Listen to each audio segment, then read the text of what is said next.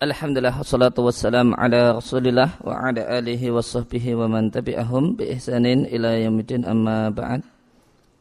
Ikhwatul iman rahimani wa rahimakumullah. Sebelum kita lanjutkan Kita lihat halaman 92 Satu hadis Dari Ibunda Aisyah radhiallahu anha.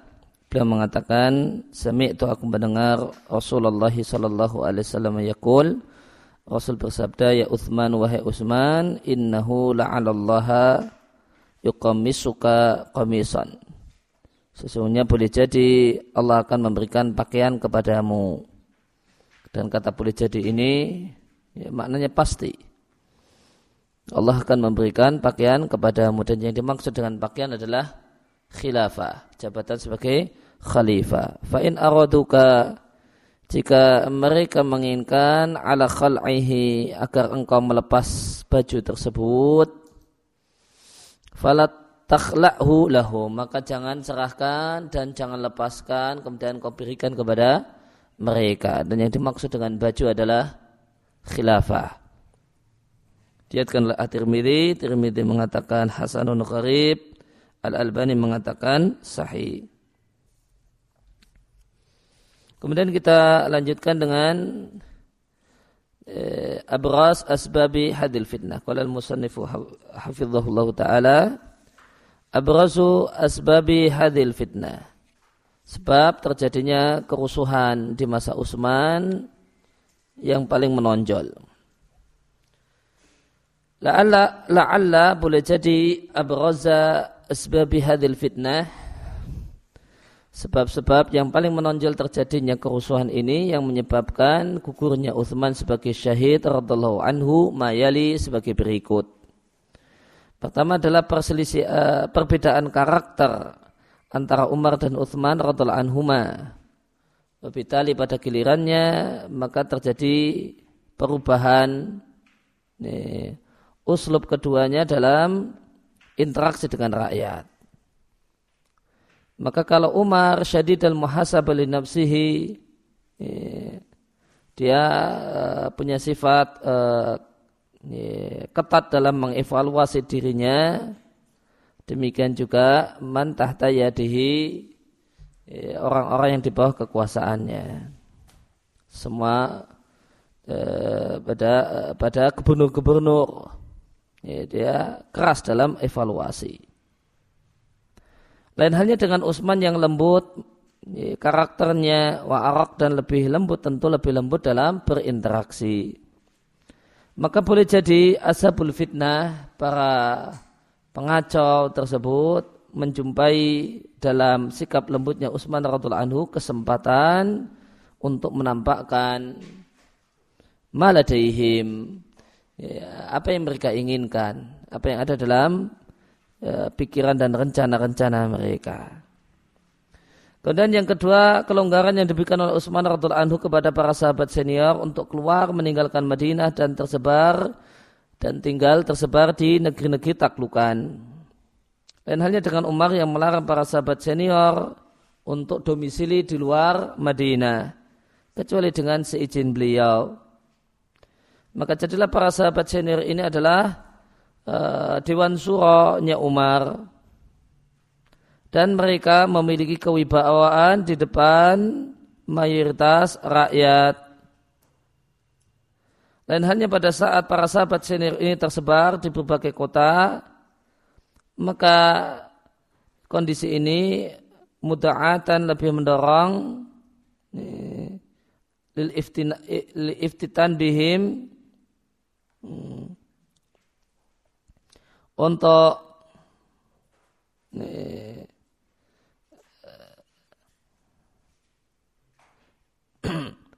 eh, untuk terfitnah dengan mereka eh, dengan para sahabat atau dengan sebagian sahabat terkagum-kagum dengan sebagian sahabat pada orang-orang yang tidak eh, ingdaman pada orang yang tidak memiliki keistimewaan dalam Islam Warupama dan boleh jadi kemudian ada seruan bahasanya sebagian sahabat lebih berat untuk menjabat sebagai khalifah.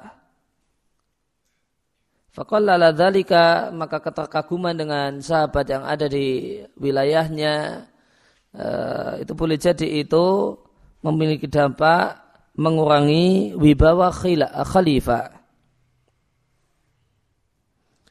Kemudian yang ketiga adalah perselisihan eh, masyarakat atau manusia di akhir khilafah Utsman perbedaan karakter masyarakat di akhir khilafah Utsman dengan masyarakat di zaman Abu Bakar dan Umar radhiallahu anhum.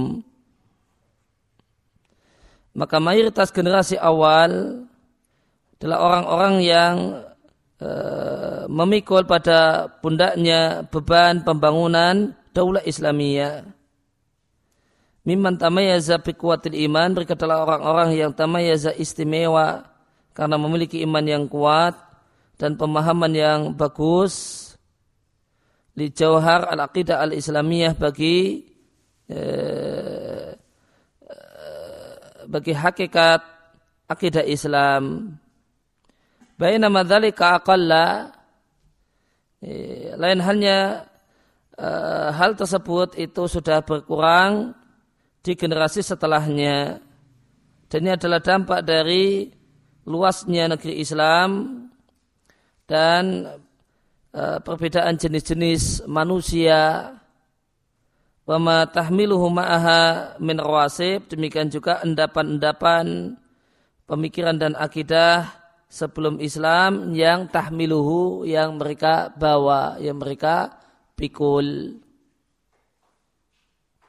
Pemakluman dan satu hal yang maklum, satu hal yang diketahui dampak dari perbedaan dari dua generasi ini dalam eh, fitaqalubil fitnah dalam uh, bolak-baliknya fitnah ya, dalam apa ya, berkembangnya fitnah dan tersebarnya fitnah min adamihi dan tidaknya. Ya, maka perbedaan generasi ya tentu generasi yang belakangan lebih jelek, maka ini tentu punya pengaruh untuk lebih tersebarnya eh, provokasi dibandingkan generasi awal. Kemudian eh, nampaknya kekayaan wa tawasu'inas dan orang pun berlapang-lapang dalam taraf dalam kemewahan dan mayoritas mereka sibuk dengan dunia dan terfitnah dengan dunia yang merupakan dampak dari semakin luasnya futuh, penaklukan negeri-negeri kafir, dan semakin wafrah berlimpahnya al khairat kebaikan yaitu harta. Dan tidak uh, dan sibuknya orang uh, dan orang tidak lagi sibuk mencari al-qut uh, makanan pokok.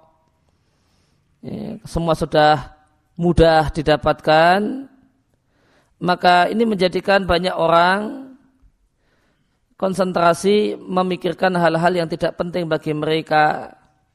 Min qadaya yaitu permasalahan-permasalahan yang punya hubungan dengan politik negara wal kharat mikirkan tentang masalah uh, keuangan negara miman in akasa salban yang ini akan memantul dengan pantulan negatif pada sikap mereka terhadap khalifah.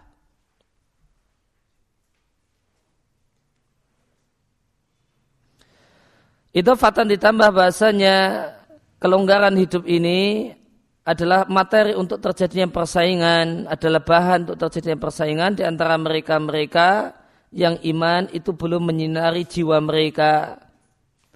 Min muslimatil futuh yaitu orang-orang yang baru saja masuk Islam karena negerinya ditaklukkan wasabil ahwa dan berbagai macam orang yang punya kepentingan dan tendensi. Kemudian uh, awamil faktor yang paling penting dan paling berbahaya adalah daur peran dari Abdullah bin Sabah yang Abdullah bin Sabah ini mendapatkan karena disebabkan faktor-faktor sebelumnya dia mendapatkan manakhan atmosfer khosban yang subur libatil fitnah untuk menyebarkan fitnah menyebarkan provokasi dan menyebarkannya di tengah-tengah umat Islam.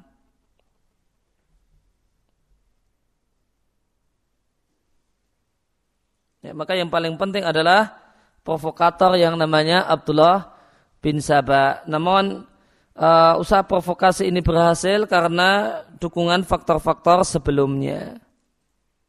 Ya, faktor sebelumnya perbedaan karakter Umar dan Uthman.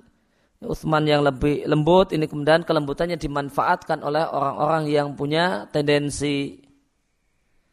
Ya, kemudian tersebarnya sahabat di berbagai wilayah, ya, sehingga ini dimungkinkan mengurangi wibawa khalifah.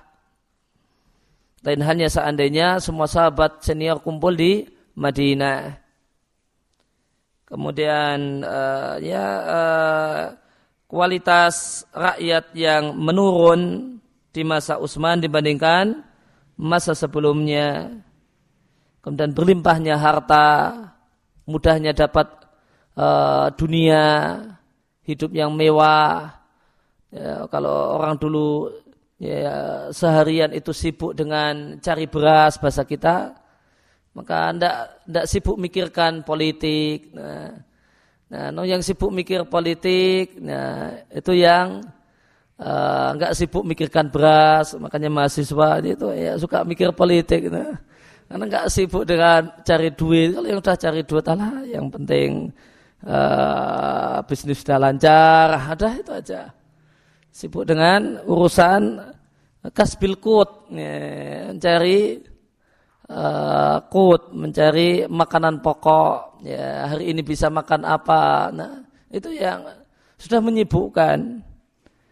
Nah, ketika itu sudah tidak lagi disibuk dengan hal tersebut karena rezeki demikian mudah, lancar, harta berlimpah, maka sebagian orang atau banyak orang sibuk memikirkan hal-hal yang bukan urusannya.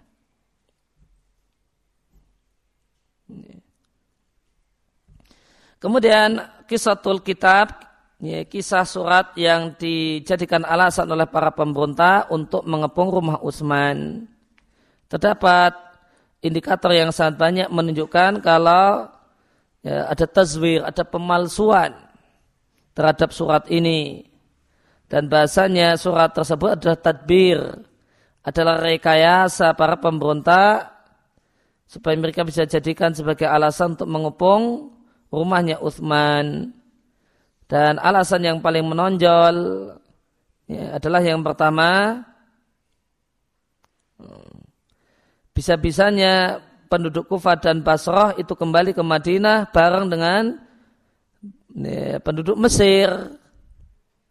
Ala padahal masing-masing dari mereka kot telah menempuh jalan yang sendiri-sendiri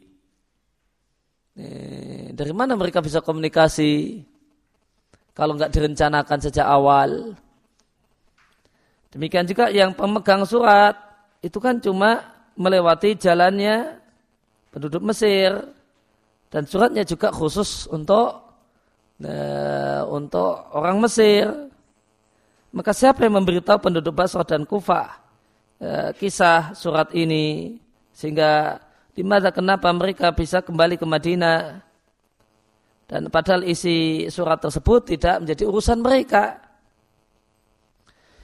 Wahada syekh maka perkara inilah yang dipertanyakan oleh Ali ibn Abi Thalib radhiallahu anhu ketika para pemberontak datang kepada Ali dengan membahas surat tersebut. Maka Ali berkata kepada mereka, Hada wallahi. Surat ini demi Allah, amrun perkara ubrima yang telah dibuat-buat di Madinah. Nah, itu perkara yang dibuat-buat oleh uh, pemberontak yang tidak pulang. Hmm. Namun mereka masih bertahan di Madinah. Maka ini indikator yang mencurigakan. Kenapa? Ini tiga rombongan. Rombongan Mesir, rombongan Kufa, rombongan Basra. Jalannya beda-beda. Kok baliknya bisa sama? Nah. Siapa yang ngasih tahu? Mereka. Kalau tidak direncanakan. Kemudian yang kedua, uh, jalannya uh, ya, pemegang surat uh, atau cara berjalan pemegang surat fitarik ahli Mesir yang melewati jalannya orang-orang Mesir. Wa dan sikap pembawa surat ini ya ta'arat lahum marotan yang menampakkan diri kepada rombongan Mesir satu ketika kemudian yaktafi ukhra kemudian sembunyi di kali berikutnya ya, maka ini jalan yang aneh nongol kemudian habis itu menghilang habis itu nongol lagi ya. tentu eh, kalau itu orang yang tidak dikenal kan mencurigakan ya. maka ka'ana yuri binafsihi seakan-akan dia memancing dirinya ya, memancing dengan dirinya, memancing orang-orang untuk menanyainya, untuk menangkapnya. Nah, ini bukan sikap uh, pembawa surat rahasia, rahasia negara. Uh, apakah Utsman sebodoh itu uh, seandainya milih orang? Hmm. Kalau memang betul itu surat dari Utsman, ya, tentu akan dicari orang yang bisa bertugas dengan baik dan Utsman telah pengalaman bukan politikus uh, karbitan ya. Nah, sudah uh, berpengalaman maka tidak mungkin kalau orang semacam ini adalah utusan Utsman kalau karena seandainya dia memang asli adalah benar utusan khalifah dan dia membawa misi yang berbahaya semacam itu la dhahaba min akhar tentu dia akan mengambil jalan yang lain. Tidak jalan yang dipakai oleh rombongan Mesir ini. Walama arda lahum dan dia tidak akan nampak-nampakkan dirinya kepada rombongan itu. Kemudian Utsman radhiallahu anhu telah mengingkari kalau dia menulisnya atau mengetahui eh, keberadaan surat itu. Bahkan Utsman telah meminta dari mereka dua orang saksi. Nih, karena mereka yang menuduh atau dia siap bersumpah dan tidaklah mungkin beliau radhiallahu anhu bersumpah uh, akan bersumpah dengan sumpah palsu. Kemudian di uh, sebagian riwayat sejarah menyebutkan bahasanya masih ada dua orang zu'amal fitnah. Uh, pemimpin fitnah ini yang bakia bertahan di Madinah setelah para pemberontak itu menampakkan menampakkan keputusan keputusan kalau mereka mau pulang. Setelah mereka berdiskusi dengan Uthman dua orang tersebut adalah Al-Ashtar An-Nakhai dan Hakim Al-Jabalah. Maka satu hal yang tidaklah mustahil jika keduanya lah yang memasulkan memalsukan surat tersebut. Lebih-lebih lagi Eh, demikian mudahnya memasukkan surat di zaman itu. Uh, memasukkan surat di zaman itu satu hal yang mudah uh, dibandingkan dengan zaman sekarang. Kemudian gubernur Mesir yang surat itu mau ditujukan kepadanya, gubernur Mesir adalah Abdullah bin uh, Sa'ad ibn Abi Sarah. Nah dia dalam posisi meninggalkan Mesir menuju Palestina Eh.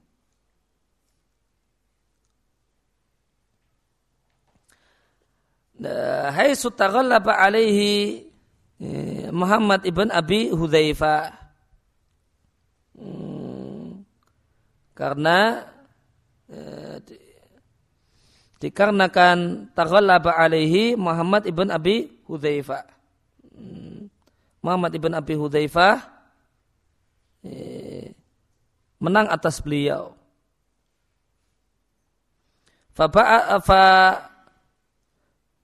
Faba'asa Abdullah ila Uthman kitaban.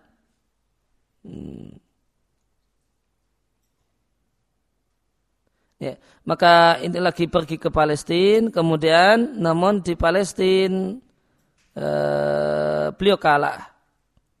Faba'asa Abdullah maka Abdullah ini kemudian mengirim surat kepada Utsman isinya minta izin untuk tiba ke Madinah. Mau kembali ke Madinah. Fakaifa yaktubu Utsman? Dan uh, dan Utsman mengizinkan Fakaifa yaktubu Utsman ila waliyihi. Maka bagaimanakah mungkin Utsman kirim surat mau ditujukan ke Mesir, mau dikirim ke Mesir. Eh, maka bagaimanakah mungkin dia mengirimkan surat kepada gubernurnya di Mesir, surat semacam ini padahal dia tahu kalau si gubernur itu dalam posisi meninggalkan keluar dari Mesir. Maka ini semua adalah indikator-indikator yang menunjukkan kalau itu adalah surat palsu. Kemudian perkara-perkara yang dianggap sebagai sisi negatif Utsman dan pembahasannya. Maka perkara-perkara yang dinilai oleh para pemberontak sebagai sisi negatif Utsman, leisat tidaklah eh, perkara-perkara ini kecuali sekedar subhat yang mereka munculkan Ya, kemudian mereka sebarkan di depan orang-orang awam, litaklibim untuk memprovokasi orang awam, ya, untuk menyerang khalifah, supaya mudah bagi mereka, ya, tasanna supaya mudah bagi mereka tahkik untuk mewujudkan target-target mereka dengan klaim amar ma'ruf nahi mungkar. Maka di antara hal yang di, dimunculkan oleh mereka tentang pribadi Utsman adalah karena Utsman gak gaib, absen, tidak ikut perang Badar, lari pada saat perang Uhud, dan tidak mengikut Bayatul Ridwan.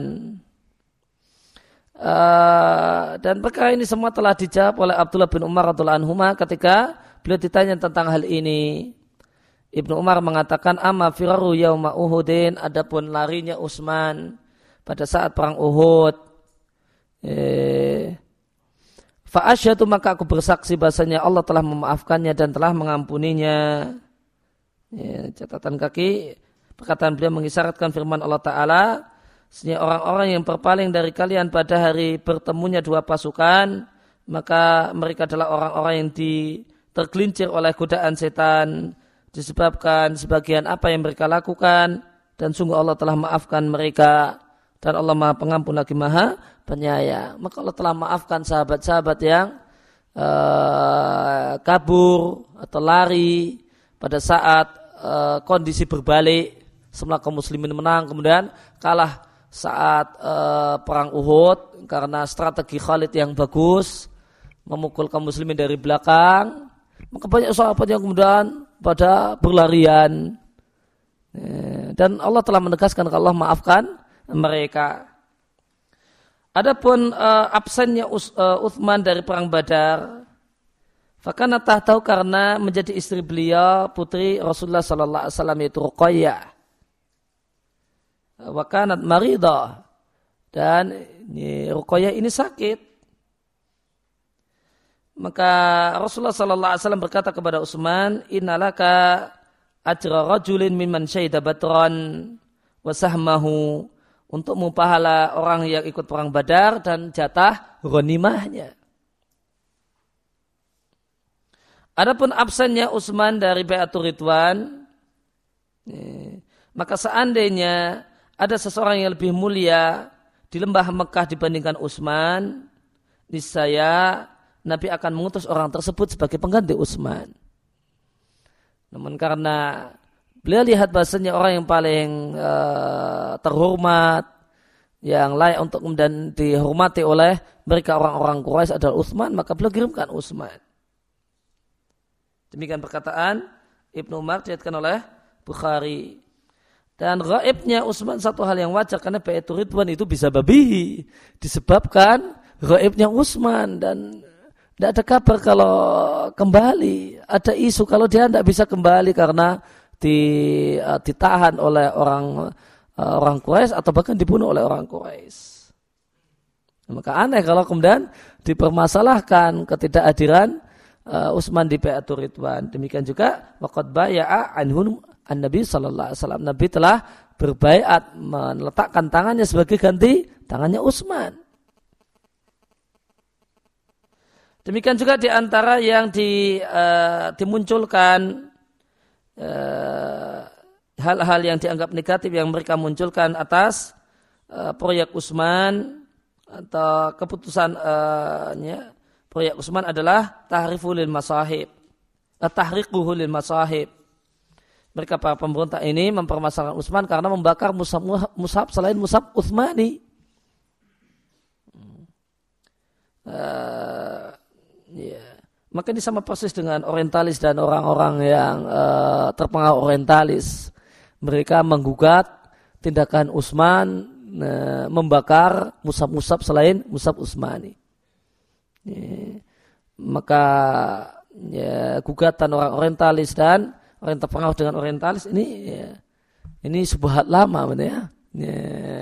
Sudah sejak zaman uh, ini hidupnya Utsman, itu para pemberontak ini sudah menggugat masalah itu.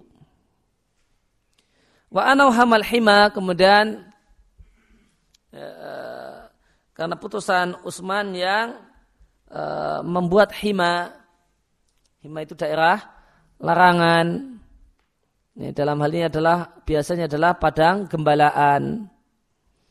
Ini, maka hima adalah negara dalam hal ini penguasa menetapkan uh, padang gembalaan tertentu itu menjadi milik negara yang hanya boleh digembalakan di situ ini binatang ternak yang merupakan milik negara.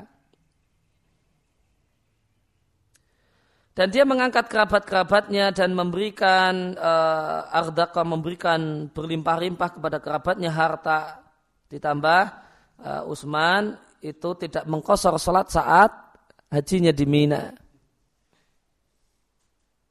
Adapun pembakaran mushaf selain mushaf Utsmani maka Utsman tidaklah membakar kecuali mawakafil ikhtilaf kecuali mushaf yang menyelisihi mushaf yang telah distandarkan.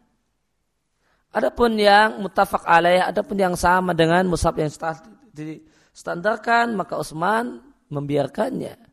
Oleh karena itu musabnya Hafsah tidak dibakar. Kemudian dan perbuatan Utsman ini adalah terhitung jasanya yang termasuk jasa yang paling besar yang terus menerus umat Islam mendapatkan nikmat dengan pengaruh uh, Eh, mendapatkan nikmat pengaruhnya yang baik ya, sampai kiamat terjadi. Dan tidaklah beliau melakukan apa yang beliau lakukan terhadap musab-musab tersebut ila an malain kecuali setelah bermusyawarah dengan para sahabat. Sebagaimana dikatakan oleh Ali bin Abi Thalib radhiallahu anhu, wala takulu lahu dan janganlah kalian berkata tentang Utsman kecuali yang baik-baik. Ya, film sahib tentang masalah mushab dan pembakaran mushaf maka demi Allah tidaklah Utsman melakukan apa yang dia lakukan illa an malain minna kecuali setelah bermusyawarah dengan kami jami'an semua. Telah bermusyawarah dengan sama para sahabat. Maka itu konsensus para sahabat. Nyalahkan Utsman sama dengan nyalahkan kesepakatan uh, semua para sahabat. Diatkan oleh Ibu Nabi Dawud, anaknya Imam Abu Dawud, penulis uh, Sunan Abu Dawud, karena anaknya Imam uh, Abu Dawud ini punya kitab Masahib namanya yang berisi kumpulan riwayat-riwayat seputar kisah mushaf. Ya, bisa juga dilihat oleh di Ibnu Hajar di Fathul Bari dan komentar Ibnu Hajar tentang sanadnya adalah isnaduhus sahihun. Adapun apa uh, adapun hima yang dibuat oleh Uthman maka beliau telah menjelaskan, telah dudukkan, telah beliau sampaikan kepada para pemberontak tersebut, bahasanya sebelumnya Umar sebelumnya telah membuat hima. Dan hima itu bukan untuk kepentingan pribadi Uthman, bukan untuk kepentingan pribadi khalifah, namun liibili sodaka, untuk onta-onta e, sedekah yang merupakan pemasukan baitul mal kaum muslimin. Ini kan perlu uh, uh, perlu padang gembalaan. Nah, nah maka kemudian dan itu maka uh, pada gembalaan milik negara ini bukan untuk kepentingan pribadi Utsman. Yang ini sebagaimana kemarin telah dijelaskan kalau harta sedekah eh, zakat itu nanti akan didistribusikan sesuai dengan eh, distribusi zakat. Cuma Utsman itu zada fihi Cuma padang gembalaan untuk onta sedekah itu diperluas. Kenapa? Lima zadat iblu sodako. karena onta-onta sedekah, onta-onta zakat yang masuk ke Baitul Mal tambah banyak. Adapun perbuatan Utsman terkait dengan pengangkatan Utsman kepada kerabat-kerabatnya, padahal ada orang yang lebih afdol dari mereka. Farajiun maka ini berkaitan dengan bahasanya Bani Umayyah dan uh, dan Utsman itu Bani Umayyah. Bani Umayyah kanu aksar kubail Quraisy. Ini adalah kabilah Quraisy yang paling banyak jumlahnya. Maka tidaklah aneh kalau banyak orang-orang yang menonjol dari Bani Umayyah. Demikian juga orang yang diangkat oleh Utsman di antara mereka Qad batal kafa wal makdara mereka telah membuktikan bahasanya mereka itu punya kapabilitas dan punya kemampuan dalam kerja. Dan itu yang penting. Adapun uh, bukan distribusi kekuasaan dari suku ini dari suku ini, namun diserahkan pada suku itu, namun tidak mampu gimana? Nah, maka yang penting itu adalah kapabilitas dalam kerja, bukan distribusi. Nah, diserahkan kepada nah, yang lain dari suku yang lain, namun tidak kapabel dalam kerja, maka ini merugikan negara. Ma'ana anak ba'dom bahasanya padahal sebagiannya itu kota kolada telah menjabat mahaman tugas-tugas kenegaraan di masa khilafah Abu Bakar dan Umar. Ya, maka kalau ini digugat aneh. Wong ini Utsman cuma meneruskan saja. Kalau mau digugat ya gugatannya sejak ke Umar dan Utsman, uh, dan Abu Bakar. Contohnya Muawiyah. Muawiyah telah diangkat oleh Umar untuk menjadi gubernur Syam. Demikian juga Al-Walid telah diangkat oleh Umar untuk ngurusi, untuk mengumpulkan, untuk jadi amil zakat Bani Taghallub. Dan sebelumnya Al-Walid itu telah dipekerjakan oleh Abu Bakar As-Siddiq dengan tugas untuk nakli rosail baina wa baina Khalid. Untuk menjadi pembawa surat antara Abu Bakar dengan Khalid ibn Al-Walid di peperangan Al-Madar. Kemudian Bukti kalau Utsman itu mengangkat berdasarkan kapabilitas. Dan bukan karena kekerabatan adalah uh, bahasanya Utsman radhiallahu anhu seandainya beliau ingin yujamil basa-basi kepada seseorang dalam masalah uh, jabatan uh, uh, yujamil di sini mungkin bukan enggak enak ya kalau diterjemahkan basa-basi lebih enak uh, berpihak berpihak kepada seseorang ya, berpihak kepada seseorang dalam masalah pemberian jabatan dengan landasan kekerabatan. Niscaya dia akan mengangkat Muhammad ibn Abi Hudzaifah yang statusnya adalah Robi Buhu. Ini anak dirinya, anak istrinya. Lakinnahu aba. Akan tapi Utsman nggak mau memberi dia jabatan syai'an sedikit pun laisa Allahu yang dia itu tidak kapabel untuk itu. Dan ini telah diakui oleh Ali bin Abi Thalib. Ali bin Abi Thalib anhu mengatakan walam yuwalli ay Utsman illa rajulan sawiyan adlan. Utsman tidaklah mengangkat pejabat negara illa rajulan kecuali seorang yang sawian sempurna dalam pekerjaan tersebut, adlan dan orang yang bagus agamanya.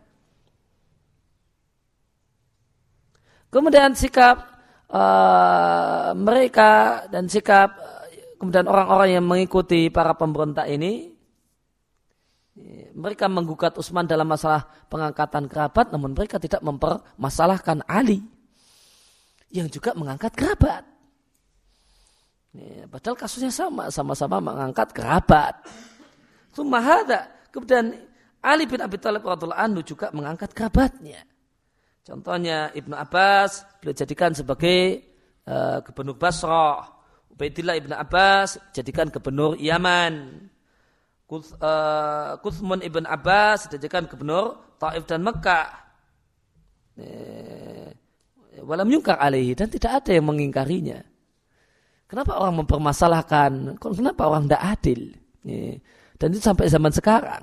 Ada orang yang mempertanyakan uh, masalah Utsman yang dianggap nepotisme karena mengangkat kerabatnya. Namun orang-orang ini yang bicara tentang masalah ini diam terhadap Ali yang juga mengangkat kerabatnya. Mereka tidak beri, mereka tidak ngasih sebutan nepotisme untuk Ali yang juga mengangkat kerabatnya. Kenapa mereka berikan sebutan nepotisme untuk Utsman? Ada apa ini? Ya? Maka ini menunjukkan bahasanya per, uh, perbuatan mereka mempermasalahkan itu bukan karena sikap objektif, namun tendensius. Adapun Utsman memberikan secara berlimpah harta kepada kerabatnya,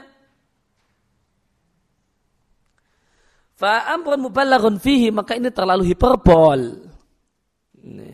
Kalau dipermasalahkan.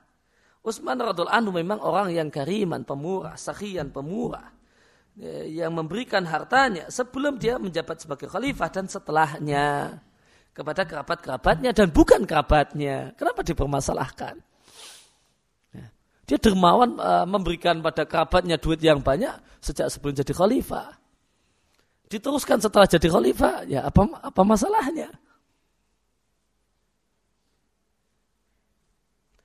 Dan lihat dan telah diriatkan dari Utsman radhiallahu anhu beliau telah menyampaikan pernyataan amma ikta'uhum. Dia sampaikan kepada para penggugatnya dan para pemberontak tersebut.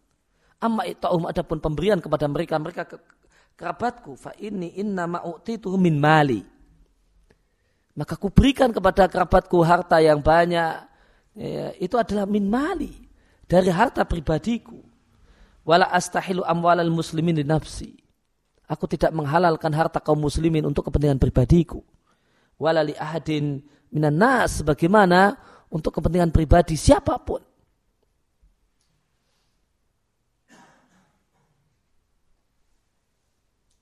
Ila kenapa orang kemudian mempermasalahkan hal ini?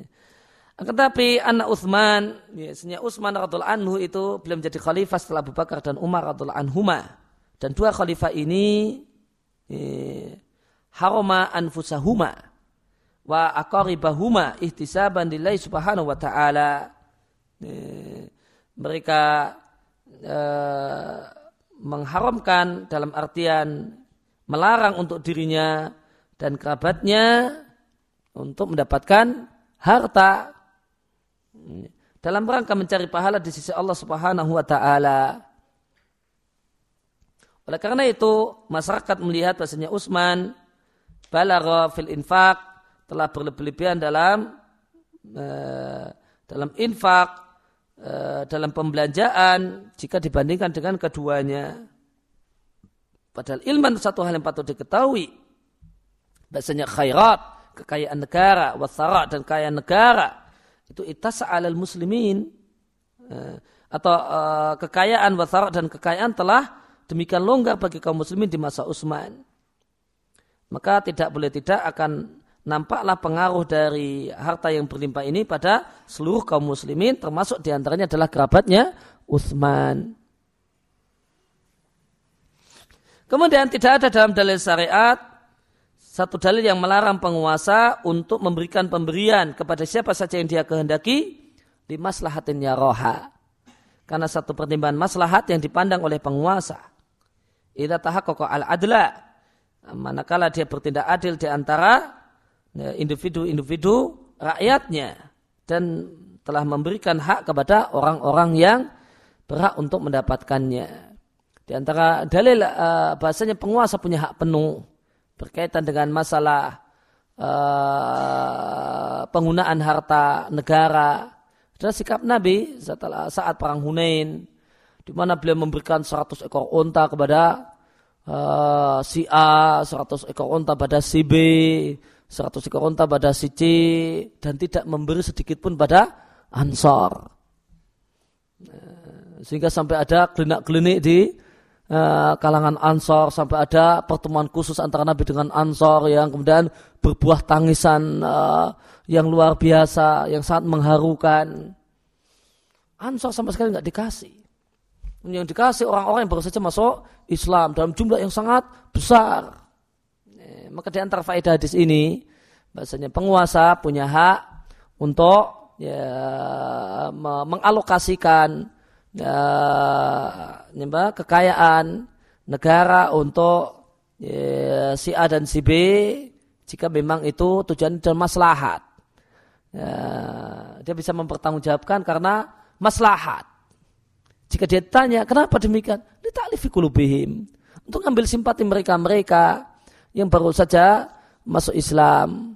Untuk supaya memantapkan uh, keimanan dan keislaman mereka.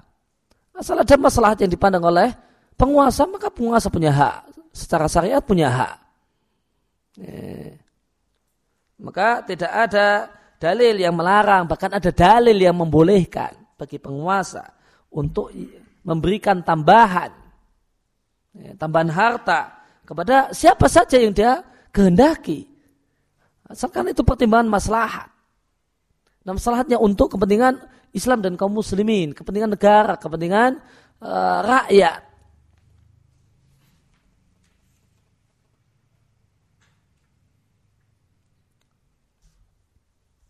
Kemudian berkaitan dengan uh, Uthman yang tamam dalam sholat tidak kosor di akhir khilafah beliau, maka Ibnu Hajar nukil dari Az-Zuhri, perkataan Az-Zuhri, Zuhri mengatakan bahasanya Utsman sholat di Mina dengan empat rakaat tidak kosor karena orang Arab uh, Arab Badui mereka demikian banyak di tahun itu.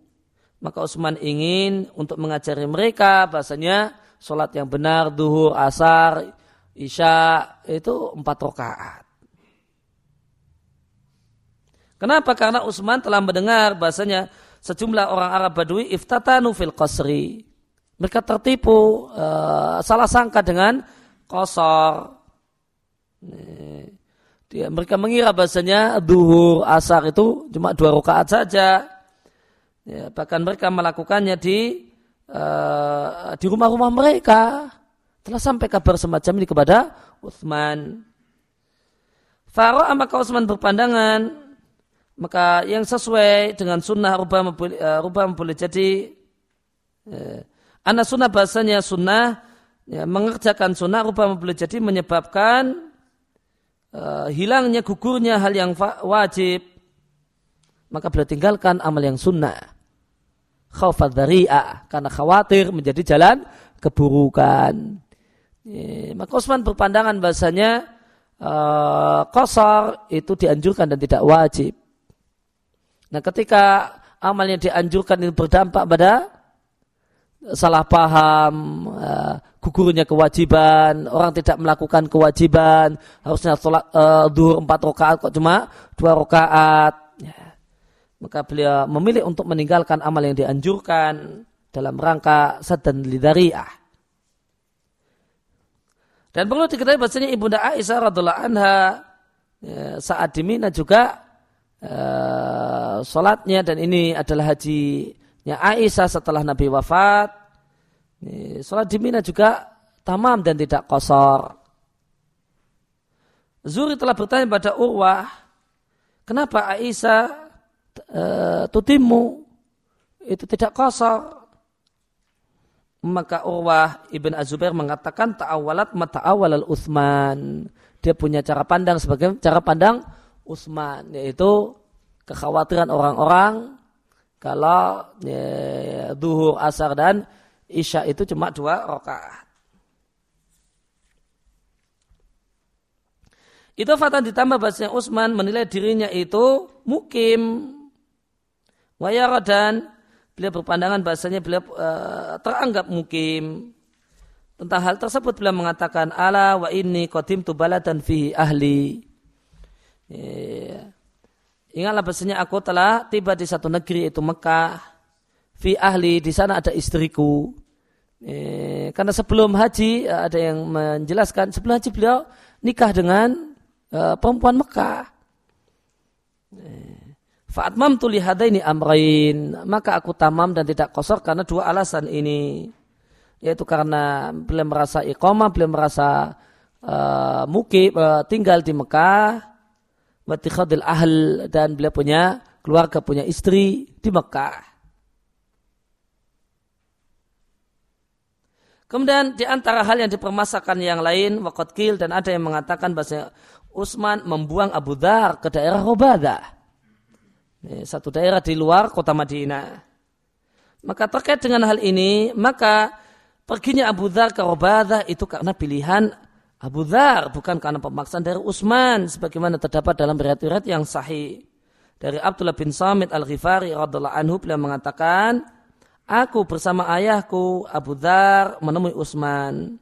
Fahasar ala ra'si saat men, menjumpai kami berdua, Utsman membuka e, penutup kepalanya dan mengatakan,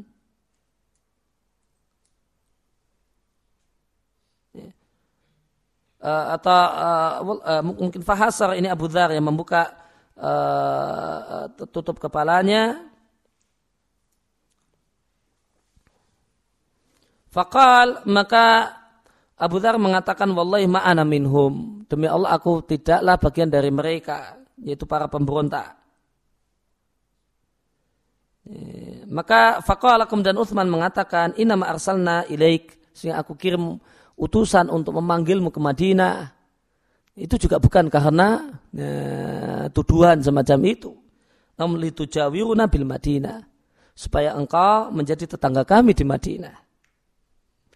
Maka Abu Dhar mengatakan lah li fidalik. Aku tidak perlu enggak perlu itu. Idzan li bi Izinkanlah aku untuk tinggal di Robadah saja. Dan Abu Dhar memang sering yardu ilaiha pergi ke daerah ini sejak zaman Nabi Sallallahu Alaihi Wasallam. Hmm, beliau suka daerah yang sepi, tidak ya, di keramaian kota. Nah, Kemudian dan Abu Dhar pun telah mengatakan tentang hal ini. Ya, Abu Dhar bercerita, kata ilayya Uthman. Uthman mengirim surat kepada aku. Isinya an akdim al Madinah. Tibalah ke Madinah. Datanglah ke Madinah. Fakodim tuha. Dan aku pun tiba di kota Madinah. Fakathur alayya anas. Maka penduduk Madinah terasa banyak orang menurutku. Nah, padat. Nah, Madinah padat. Hatta ka'annahum lam yarawni qabla dhalika. Ya, seakan-akan mereka itu belum pernah melihatku sebelum itu. Ya. Banyak yang nemui, banyak yang ini kayak kayaknya orang asing. Ah. Fadzakartu dzalika kali Utsman kemudian ku sampaikan hal itu kepada Utsman. Fakal maka Utsman mengatakan jika engkau berkenan tanah haita engkau bisa agak menjauh dari Madinah. Fakunta koriban. Ya, maka engkau pun ya dekat dengan Madinah, tidak jauh-jauh. Fadzakalladzi anzalani hadzal manzila kata Abu Dhar inilah sebab yang menyebabkan aku tinggal di sini. Bukan karena diusir oleh Utsman sebagaimana uh, cerita yang uh, beredar di sebagian kalangan sampai hari ini. Sampai hari ini isu Utsman mengusir Abu Dhar ada di buku-buku, di sejumlah tulisan. Ya, dan ini tidak benar. Utsman tidak pernah mengusir Abu Dhar dan memaksa Abu Dhar untuk keluar dari Madinah. Itu karena maunya Abu Dhar. Nah, dan Utsman pun mengizinkan. Sebagian ditegaskan oleh seorang ulama tabi'in Muhammad bin Sirin, huwa dia beliau Abu Dhar kharaja min kibali nafsihi keluar dari kota Madinah karena inisiatifnya sendiri. Walam yusayyirhu Uthmanu tidak diusir oleh Utsman. Tidak diminta disuruh berangkat ke tempat tersebut atas perintah Utsman. Namun kibali nafsi atas inisiatifnya sendiri. Dan sikap para sahabat di Madinah terhadap para pemberontak. Tidaklah dilakukan bahasanya para sahabat di Madinah dan selain Madinah tidak ada satupun mereka yang bergabung dengan para pemberontak ya, dalam mengepung rumah Utsman. Dan tidak ada satupun dari para sahabat yang rela dengan ya, peristiwa pengepungan rumah Utsman. An-Nawawi berkata tentang para pembunuh Utsman, mereka itu adalah hamjum ro'a, mereka itu adalah orang-orang ya, jelata, orang-orang awam, ri'a sama, rawra juga sama, artinya ya, orang bukan tokoh-tokoh. Eh, mereka adalah orang-orang yang orang-orang awam. Rauha'il Qubail.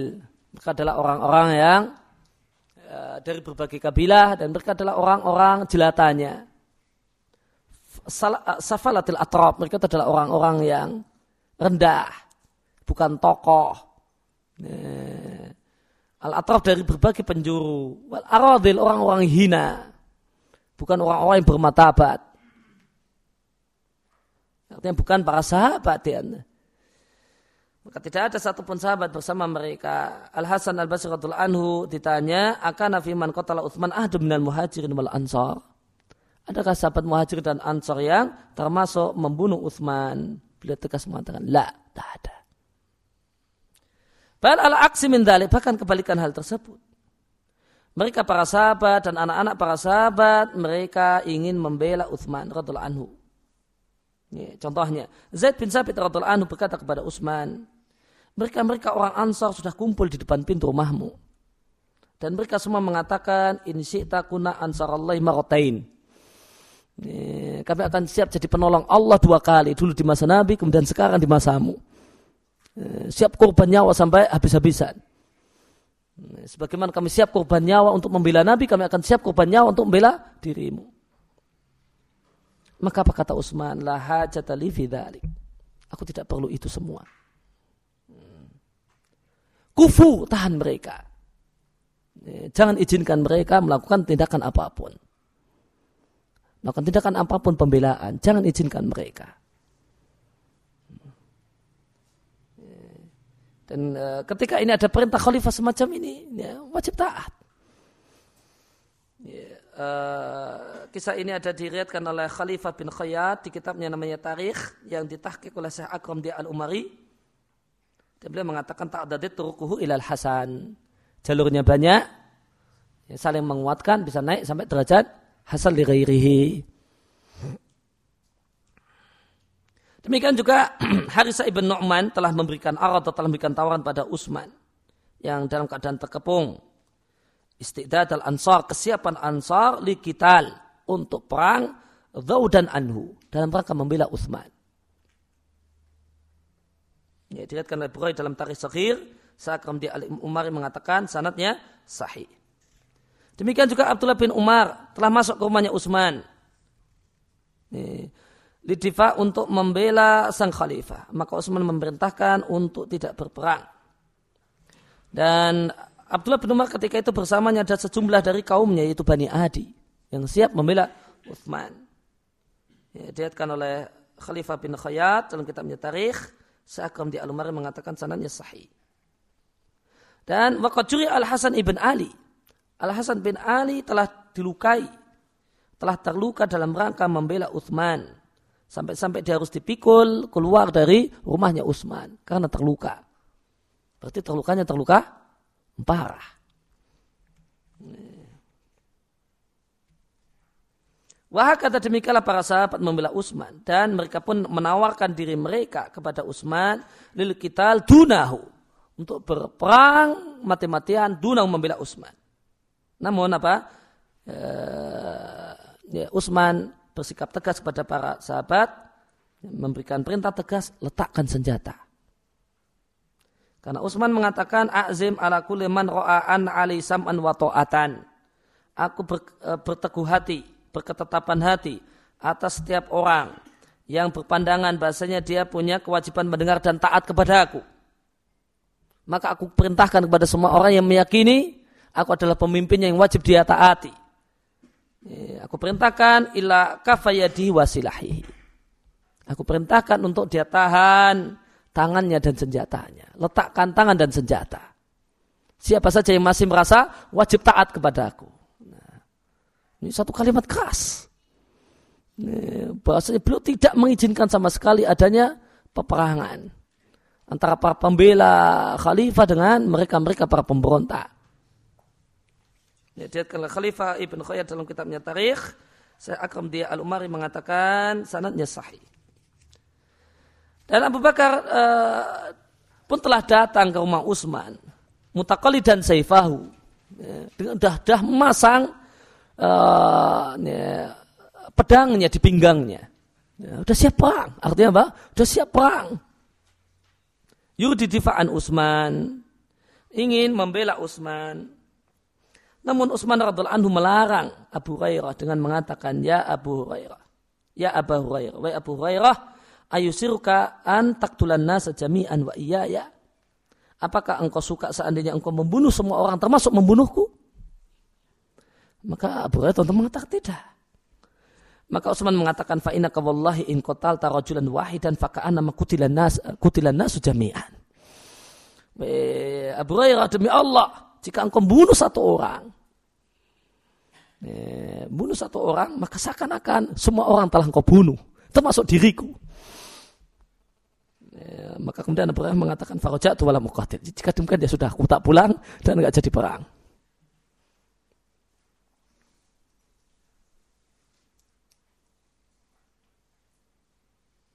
Ya, adapun sebab kenapa Utsman radhiallahu anhu melarang para sahabat di Madinah untuk membela dirinya. Maka sebagaimana bisa dipahami dari jawaban Utsman kepada Abu Hurairah adalah beliau punya sikap tawaruk, ini beliau warok hati-hati berkaitan dengan masalah penumpahan darah. Wa isfaqihi dan sayangnya Utsman kepada para sahabat di Madinah. Jangan sampai mereka jadi korban haula ithairin, mereka para pemberontak. Ya, dalam logikanya Utsman, mereka para pemberontak ini cuma ingin nyawaku. Paling banter mereka ingin nyawaku. Aku mati, selesai. Gak akan ada orang mati lagi. Dan nyawaku tidak lebih mahal daripada nyawa para sahabat. Dan beliau menilai bahwa nyawa beliau tidak lebih mahal daripada nyawa para sahabat Ansar, nyawanya Abu Hurairah, nyawanya uh, cucu Nabi Al Hasan bin Ali dan seterusnya. Beliau tidak menilai nyawa beliau lebih mahal. Dan orang ini, mereka ini tujuannya cuma nyawa.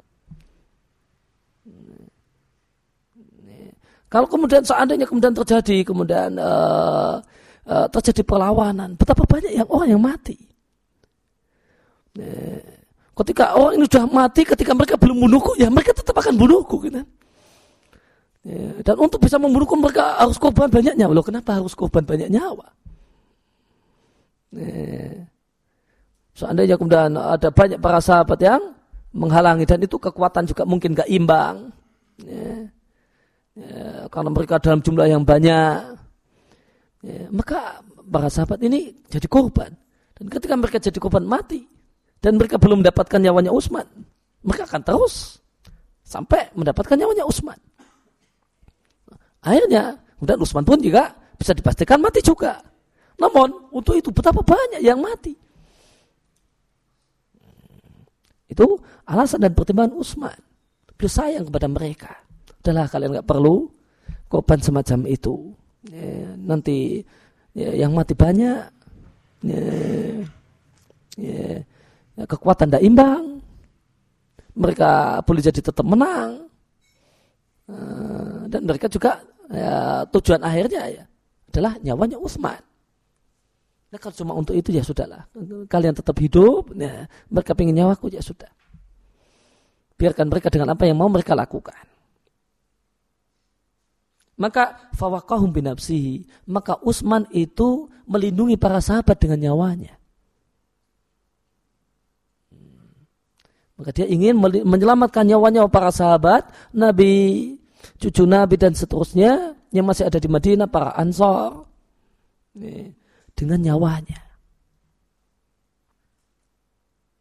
Hai kutila sabiran muhtasiban radhiallahu anhu wa ardahu. Sehingga beliau terpun dalam keadaan sabar dan mengharap pahala radhiallahu anhu wa ardahu. Ya, maka beliau uh, menjadikan dirinya sebagai tameng untuk selamatnya nyawa ya, para sahabat. Dan demikianlah ya, jiwa seorang pemimpin. Ya, jiwa seorang pemimpin yang ya, demikian cinta dengan rakyatnya. Ya, satu pengorbanan luar biasa. Ya, rela menjadikan nyawanya sebagai tameng untuk rakyatnya. ya. Dan beliau nilai itu akhafud dararain. Ini adalah madarat yang paling ringan. Ini, ini uh, ada perlawanan, ada madarat. Enggak ada perlawanan juga ada madarat. Beliau nilai bahasanya madarat yang lebih ringan adalah ya, dengan tidak adanya perlawanan. Kalau mau dibuat perbandingan, ini sangat beda dengan ya, Usama bin Laden. Nah, yang kemudian menjadikan jutaan rakyat Afgan sebagai tameng untuk nyawanya. Nah, ya meskipun mereka ini telah jadi tameng, ya, tamengnya Usama bin Laden, oh, ya, namun mereka ini tetap dihancurkan dan tetap, tetap dicari. Dan baru berhenti setelah ya, yang dicari mati. Kebalikan Utsman. Utsman me, me, uh, melakukan perlawanan untuk melindungi orang yang demikian banyak. Ya. Kalau orang ini, ya, semoga Allah memaafkannya, ya, dia jadikan jutaan ribuan rakyat Afgan sebagai tameng untuk nyawanya. No apa? Uh, apa sikap musuh ya tetap itu pun uh, tameng nyawa tadi juga dihabisi semua. Ya, karena tujuannya itu.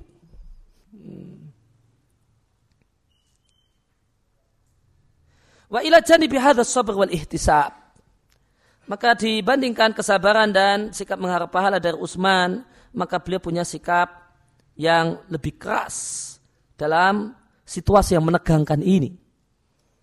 Wa adamu ijabati ijabatihi asairin, beliau tidak mau merespon tuntutan para pemberontak untuk beliau melepaskan khilafah dari dirinya. Tuntutan tersebut tidak dikabulkan sama sekali. Maka beliau eh, eh, menjaga untuk kedudukan yang mulia ini. Eh, beliau beliau telah jaga wibawa kedudukan yang mulia ini. Itu penguasa. Walam yujibhum ilama yuriduna dan beliau tidaklah merespon apa yang mereka inginkan. Supaya itu tidak menjadi sunnah. Setiap ke kecewa dengan penguasa, nah, demo. Akhirnya puasanya ngalah. Nah, ya sudah saya tak lengser. Nanti kalau itu kejadian sekali, maka nanti akan ya, bolak-balik akan berulang. Nanti akan jadi kebiasaan. Nah, Nanti akan jadi kebiasaan. Oh, kalau kita kecewa dengan penguasa caranya gampang. Nah, begini nanti lah lengser.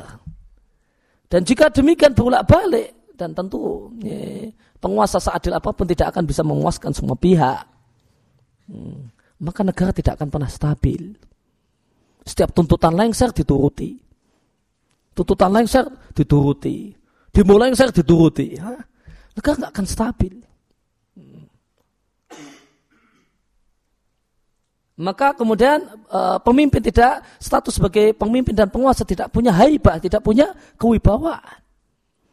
Itu rendah di mata uh, di mata rakyat jelata.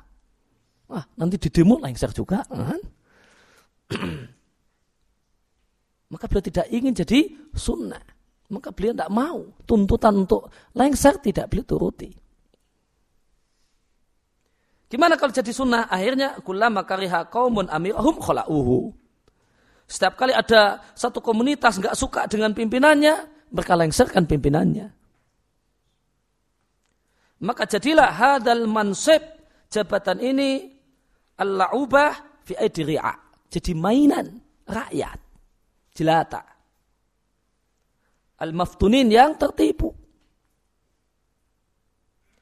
Wa mayat ba'udhalika min itirabin fi halil ummah.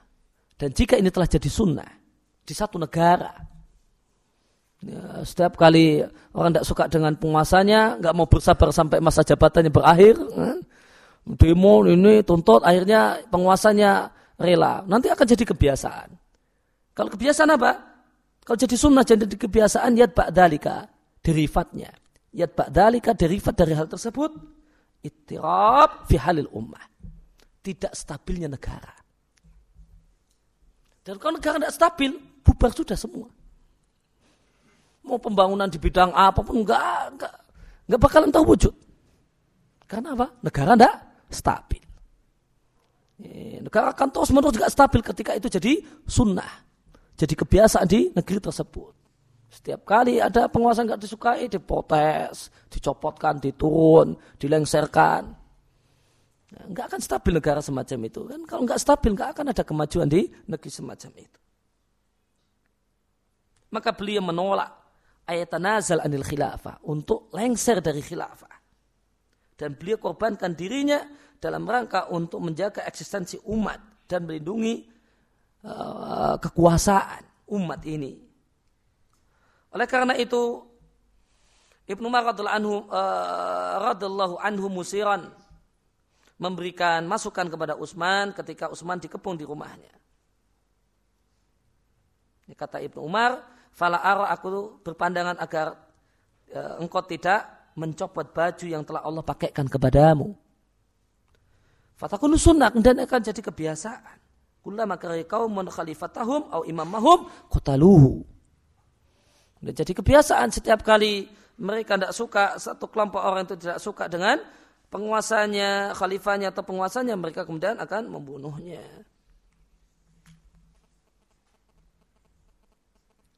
Wah kata demikianlah istaghala sa'irun para pemberontak ini memanfaatkan dalam pemberontakannya tersebarnya mayoritas para sahabat fituhur di berbagai macam daerah perbatasan dan keluarnya mayoritas para sahabat dari kota Madinah karena mau berhaji di tahun tersebut mereka manfaatkan situasi semacam ini untuk mewujudkan target mereka.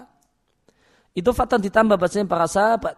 Tidaklah mereka memprediksikan dan mengetahui bahasanya pengupungan ini akan berakhir ila mentah ilai. Eh, sebagaimana kondisi akhirnya itu terpunya Usman. Kenapa? Belum pernah ada kejadian sebelumnya semacam itu. Eh, belum pernah ada kejadian sebelumnya semacam itu dikenal oleh orang Arab di masa jahiliyah. Ini belum pernah ada pengepungan penguasa. Akhirnya sampai penguasanya dibunuh oleh para pengepung. Belum pernah ada kasus. Nah kalau belum pernah ada kasus kan orang tidak. Nah, maka kemarin kita lihat Ali pun keluar. Malah Ali pun pergi ah biasa saja kan ah paling-paling biasa. Nah nanti juga selesai. Karena belum pernah ada kasus dalam sejarah mereka dalam sejarah Arab belum pernah ada kasus semacam ini. Kalau ada kasus kan orang belajar dari sejarah. Oh ini bahaya. Bisa jadi bisa jadi demikian dan demikian. Hmm, belum pernah ada di ada misabi kotin limis lidalik. Belum pernah ada kasus sebelumnya yang semacam itu. Wa, wa ma'ahada meskipun demikian tatkala terjadi pengepungan mereka pun memberikan pembelaan dengan pembelaan yang sungguh-sungguh. Fala makana atatjiq azam alaihim. Dan tatkala betul-betul Utsman itu dipersempit, Utsman pun memberikan putusan tegas kepada mereka para sahabat, letakkan senjata. Dikutal supaya beliau terbunuh dalam keadaan bersabar dan mengharap pahala Allah radallahu anhu wa ardahu. Kemudian fasal yang terakhir, fasal yang keempat adalah Ali bin Abi Thalib. Uh, nasab beliau, beliau adalah Ali bin Abi Thalib dan nama asli Abu Talib adalah Abdul Manaf. Ibn Abdul Muttalib bin Hashim bin Abdul Manaf bin Kusai. Dan beliau adalah anak paman Nabi, sepupu Nabi sekaligus uh, uh, suami dari uh, anak uh, putri beliau Fatimah. Ibunya Ali bin Abi Thalib namanya Fatimah binti Asad bin Hashim. Ketemu di Hashim bin Abdul Manaf. Uh, kunyah beliau adalah Abu Hasan dan Abu Sabtain. Bapaknya dua cucu Nabi. Dan Nabi Shallallahu Alaihi Wasallam menyebut beliau dengan sebutan Abu Turab. Ya, jangan diterjemahkan bapaknya tanah kemudian dihubung-hubungkan. Oh, oh, tanah uh, yang buat uh, Ali, nah. nah. Nah, Abu Turab di sini adalah maknanya bukan bapaknya tanah, non orang yang e, badannya terkena debu atau tanah. Ya, asal muasal penyebutan Abu Turab diatkan oleh Bukhari bahasanya Ali itu masuk ke rumahnya Fatimah, kemudian marah sama Fatimah. Ada satu masalah yang tidak diceritakan secara detail, kemudian keluar dari rumah. Ya, kalau orang marah nggak keluar, itu malah tambah marah. Nah, Maka di antara solusi marah ala Ali bin Abi Thalib e, marah sama istri ya sudahlah dan keluar dulu jalan-jalan dulu biar fresh nanti balik lagi ya. dan tidak kemudian ada ketegangan, ketegangan di rumah uh, marah masih di situ. Ah, nanti uh, dengar apalagi tambah marah lagi. Ah. Maka Ali kemudian keluar. Fatoja'a bil masjid. Ini malah tidur di masjid. Tidur siang ketika itu. Ya, tidur siang di masjid. Maka Nabi Shallallahu Alaihi Wasallam kemudian ketika itu ke rumahnya Fatimah dan uh, bertanya di mana suamimu? Hmm. Maka ya, Fatimah mengatakan film masjid di masjid. Wallah alam itu alinya uh, keluarnya pamit. Ya udahlah saya tak keluar, tak di masjid saja atau Fatimah tahu. Faraja ilaihi maka Nabi pun pergi ke masjid dan dijumpai bahasanya rida yang dipakai oleh Ali itu lepas dari pundaknya, lepas dari punggungnya sehingga khalusa at-turab ila dhuhrihi. Kemudian tanah atau debu itu kemudian bersentuhan dengan punggungnya Ali. Maka mulailah Nabi kemudian mengusap, menghilangkan debu yang ada di punggung Ali ya, sambil membangunkan Ali dan mengatakan ijlis ya abad turab. Ya. Marotain Nabi katakan dua kali. Oleh karena itu, maka Ali sangat suka dengan sebutan Abu Turab, ya, karena itu adalah sebutan yang diberikan oleh Nabi Shallallahu Alaihi Wasallam. Ya, kalau kita lihat uh, dua paragraf ini, kita lihat bahasanya uh, ya pertama Ya, di sini kita berkaitan dengan pernikahan Ali dengan Fatimah, maka ini pernikahan keluarga dekat. Ya, masih dekat. Ya. Fatimah itu statusnya adalah keponakan, ya. ya keponakannya Ali. Ya, karena Nabi dengan Ali itu sepupu. Ini anaknya sepupu, keponakan. Ya, maka ini menunjukkan bahasanya ya, nikah dengan keluarga dekat tidak masalah. Boleh-boleh saja. Dan baik-baik saja. Ya. Ini kalau kita lihat juga kemudian ya ini meskipun ini kasus masa jahiliyah eh, ayahnya Ali Abu Talib itu eh, nikah dengan ibunya Ali Fatimah dan itu juga masih ya, cukup dekat. Kemudian kelahiran Ali bin Abi Thalib dan masuk Islamnya. Eh, Ali ini lahir eh, 10 tahun sebelum kenabian. Sebelum Nabi diangkat sebagai Nabi menurut pendapat yang paling kuat dan itu bertepatan dengan tahun 601 Masehi.